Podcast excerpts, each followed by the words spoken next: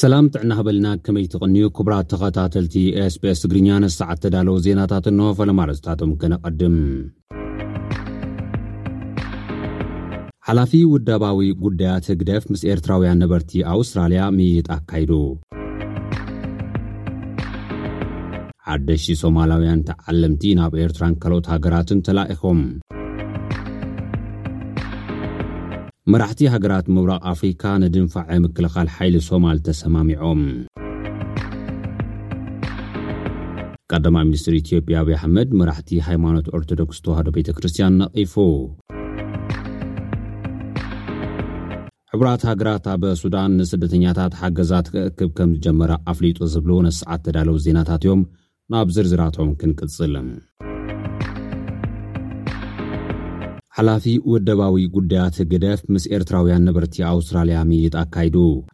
ሓላፊ ውደባዊ ጉዳያት ህግደፍ ዮስዩፍ ጻይቕ ምስ ካብ ዝተፈላለዩ ከተማታት ኣውስትራልያ ዝመጹ ዜጋታት ኣብ ምሕያል ውደባዊ ዓቕሚ ዘተኮረ ርክብ ብቨርቹዋልን ብኣካልን ከምዘካየደ ተገሊጹ። ኣብቲ ካብ ዕስራን ክልተን ክሳብ ዕስራን ትሽዓተን ጥሪ ምስ ተቐማጦ ሲድኒ፣ ብሪስበን፣ መልበርን፣ ኣደላይድን ፐርዝን ዝተኻየደ ኣኼባ ኣቶ ዮሱፍ ብዛዕባ ታሪኽ ቃልሲ ህዝቢ ኤርትራ ንናጽነት፣ ከምኡ'ውን ኣብ ምሕላው ሃገራዊ ሉዓላውነት ብዝምልከት መብርሂ ሂቡ። ኣቶ ዮሱፍ ብዛዕባ'ቲ ኣብ ልዕሊ ኤርትራ ዝፍጸም ዘሎ ሕቡእን ቅሉዕን ዝበሎ ተጻብኦታትን ህዝቢ ኤርትራ ነቲ ተጻብኦታት ንምምካትን ንምፍሻልን ዘለዎ ሓያል ጽንዓትን መብርሂ ሂቡ። ኤርትራ ኣብዚ ሕጂ እዋን በጺሓቶ ዘላ ዘተባብዕ መድረኽ ውጽኢት ሓያል ጽንዓት መንግስትን ህዝብን ኤርትራ ምዃኑ ብምሕባር፣ ዜጋታት ውደባዊ ዓቕሞምን ተሳትፎኦምን ኣብ ሃገራዊ ጉዳያት ከጠናኽሩ ጸዊዑ። ተሳተፍቲ እቲ ኣኸባ ብወገኖም ኣብ ምትግባር ሃገራዊ ልምዓት ድርኺታት ውደባዊ ዓቕምን ተሳትፎን ንምጥንኻር ድሉዋት ምዃኖም ከምዝገለፁ እውን ተሓቢሩ'ሎ። ሓደሽቲ ሶማላውያን ተዓለምቲ ናብ ኤርትራን ካልኦት ሃገራትን ተላኢኾም። መንግስቲ ሶማል ነቲ ሰራዊት ኣንጻር ዕጡቓት ኣልሸባብ ዝገብሮ ዘሎ ኲናት ንምሕያል ብኣሽሓት ዝቑጸሩ ወተሃደራቱ ታዕሊም ዝወስዱ ሶማላውያን ናብተን ኣብ ቀረባ ዝርከባ ሃገራት ከም ዝሰደደ ኣማኻሪ ሃገራዊ ድሕነት ፕረዚደንት ሶማል ሓቢሩ ኣሎ። ሑሴን ሸኽ ዓሊ ምስ ድምጺ ኣሜሪካ ቋንቋ ሶማል ኣብ ዝገበሮ ፍሉይ ቃለ መሕትት፣ ሶማልያ ኣብ ዝሓለፈ ሒደት ሰሙናት ነብሲ ወከፎም ሰለስተ ሽሕ ወተሃደራት ናብ ኤርትራን ኡጋንዳን ከም ዝሰደደት ሓቢሩ ኣሎ። ተወሳኺ ሽዱሽተ ሽሕ ተመልመልቲ ናብ ኢትዮጵያን ግብጽን ክለኣኹ ምዃኖም እውን ኣረዲኡ። ኣብ ክልተ ሽሕን ዕስራን ሰለስተን ዓሰርተ ሓሙሽተ ሽሕ ወተሃደራት ድሉዋት ንምግባር ክንዛዝም ንደሊ ኢና ክብል ሑሴን ሸኽ ዓሊ ኣሜሪካ ንሶማልያ ዝያዳ ደገፍ ክትገብር ከምዝግብኣ ምስ ሰበስልጣን ኣሜሪካ ከምዝተዘራረበ እውን ተገሊጹ ኣሎ። መንግስቲ ሶማል ኣብዚ ቀረባ እዋን ካብቶም ኣብ ኤርትራ ዝሰልጠኑ ሓሙሽተ ሽሕ ወተሃደራት ዝበዝሑ ናብ ዓዶም ከምዝመለሶም ዝፍለጥ እዩ። ሑሴን ሸኽ ዓሊ ነቲ ዳግማይ ተወሳኺ ተዓለምቲ ናብ ኤርትራ ምልኣኽ ዝምልከት ተቓውሞታት ከምዝገጠሙ ንዝቐረበሉ ሕቶ ኣመልኪቱ ኣብ ዝሃቦ መብርሒ ከምቲ ናይ ቅድሚ ሕጂ ዘይኮነስ ብንጹር ክትትል ዝግበረሉ እዩ ክብል ገሊጹ ኣሎ። እዚ ሓበሬታ ዝወጸ ኣብ ሞቓድሾ ዝመደብሩ ትካል ቲንክ ታንክ ፖለቲካዊ መጽናዕቲ ቅርሲ፣ HIPS፣ ዘቕረቦ ጸብጻብ፣ መንግስቲ ሶማልያ ነቲ ኣብ ኢድ መሰጋገሪ ተልእኾ ኣፍሪካ ኣብ ሶማልያ ዘሎ ናይ ዕስራን ኣርባዕተን ሽሕ ወተሃደራት ጸጥታዊ ሓላፍነት ኣብ ታሕሳስ ክልተ ሽሕን ዕስራን ኣርባዕተን ዓመተ ምህረት ክርከብ ዝተውሃበ ናይ ግዜ ገደብ ከማልእ ይኽእል ድዩ ክብል ኣብ ጥርጣረ ኣብ ዘእተወሉ እዋን እዩ መንግስቲ ሶማል ስጉምቲ ክወስድ ተገዲዱ ዘሎ። ኣብ ዝቕጽል ዓመት ዕስራን ኣርባዕተን ሽሕ ሰራዊት ዝሰልጠነ ምሉእ ዕጥቂ ዝዓጠቐን ሰራዊት ከምዝህልዎ እውን መንግስቲ ሶማል ኣፍሊጡ ኣሎ። መሰጋገሪ ተልእኾ ኣፍሪካ ኣቲሚስ ኣብ ሶማልያ ዝጸንሐሉ ወይ ዝቕጽለሉ ምኽንያት የለን ክብል እውን እቲ ሓላፊ ወሲኹ ገሊጹ እዩ። መራሕቲ ሃገራት ምብራቕ ኣፍሪካ ንድንፋዐ ምክልኻል ሓይሊ ሶማል ተሰማሚዖም።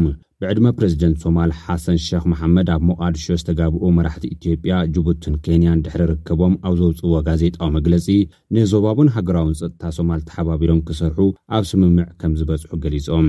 እቲ ንርክብ ንሶማል ዘዳውባ ሃገራት ብቐንዱ ነቲ ተደጋጋሚ መጥቃዕቲ ዝፍጽም ዘሎ ጉጅለ ኣልሸባብ ንምምካት ዝዓለመ እዩ። መራሕቲ ሃገራት ጎረባብቲ ሶማል ዝኾና ሓቢረን ዶባተን ዝውሕሳሉን ንስግረ ዶባዊ መጥቃዕትን ግብረ ሽበራን ዝከላኸላሉ መገዲ ኣብ ምፍጣር ክሰርሓ እውን ተስማሚዐን ኣለዋ። ብተወሳኺ መራሕቲ እተን ሰለስተ መዳውብቲ ሃገራት እቲ ኣብ ልዕሊ ሶማል ተነቢሩ ዘሎ ናይ ኣጽዋር እገዳ ክለዓል እጃሞም ክገብሩ ምዃኖም ኣብቱ ዘውጽእዎ መግለጺ ጠቒሶም ኣብ ሶማል እስላማዊ ስርዓት ንምትካል ዝዕልም ጉጅለ ኣልሸባብ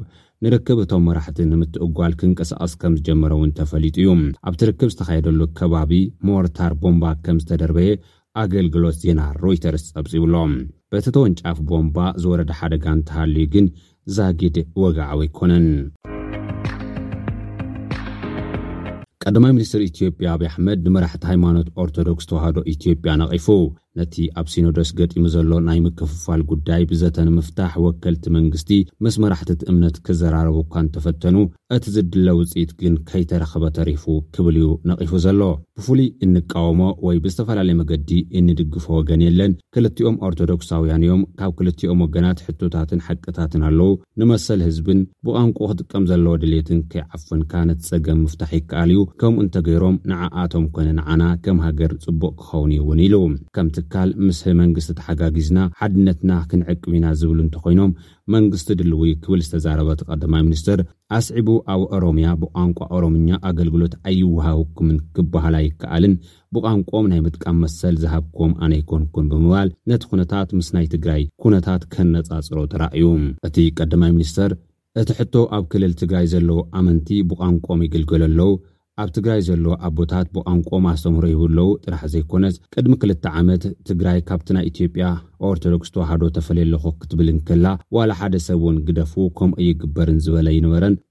ድሕሪ ምባል፣ ንህሉው ኩነታት ኦሮምያ ፖለቲካዊ መልክዕ ንምሃብ ስለምንታይ ሕጂ ከምኡ ክበሃል ተደልዩ ክብል እውን ሓቲቱ ኣሎ። እቲ ቀዳማይ ሚኒስትር ኣብ ዘረባኡ፣ ኣብ ክልል ኣምሓራ ህዝቢ ብቋንቋኡ ብኣምሓርኛ እዩ ዝግልገል፣ ኣብ ደቡብን ኦሮምያን ግን ከምኡ ኣይኮነን ዝብል ሕቶ ይለዓል እዩ፣ መንግስቲ ነዚ ዓፊኑ ክሓልፎ ኣይክእልን እዩ ብምባል ኮፍ ኢልካ ብምዝታይ ንሕቶ ኣመንቲ ምምላስ ከምዘድሊ እውን ገሊጹ ኣሎ።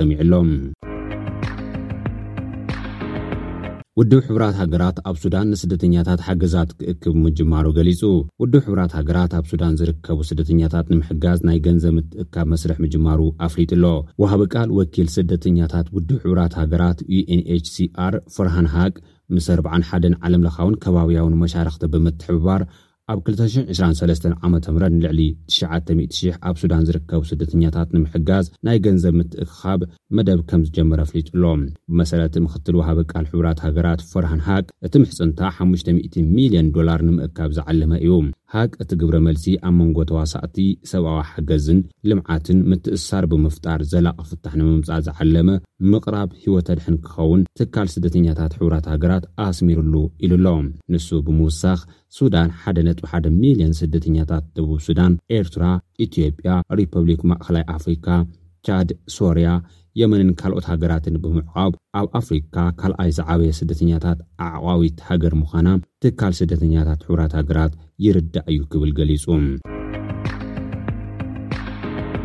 ክቡራት ተኸታተልቲ SBS ትግርኛ ነዚ ሰዓት ተዳለወ ዜና እዚ ይመስል። ኣብ ቀጻሊ ብኻልእ ትሕዝቶ ክንራኸብ ኢና። ከሳብ ሽዑ ሰሰናዩ ተመኒናልኩም። ሰላም ድሓን ቅንዩ።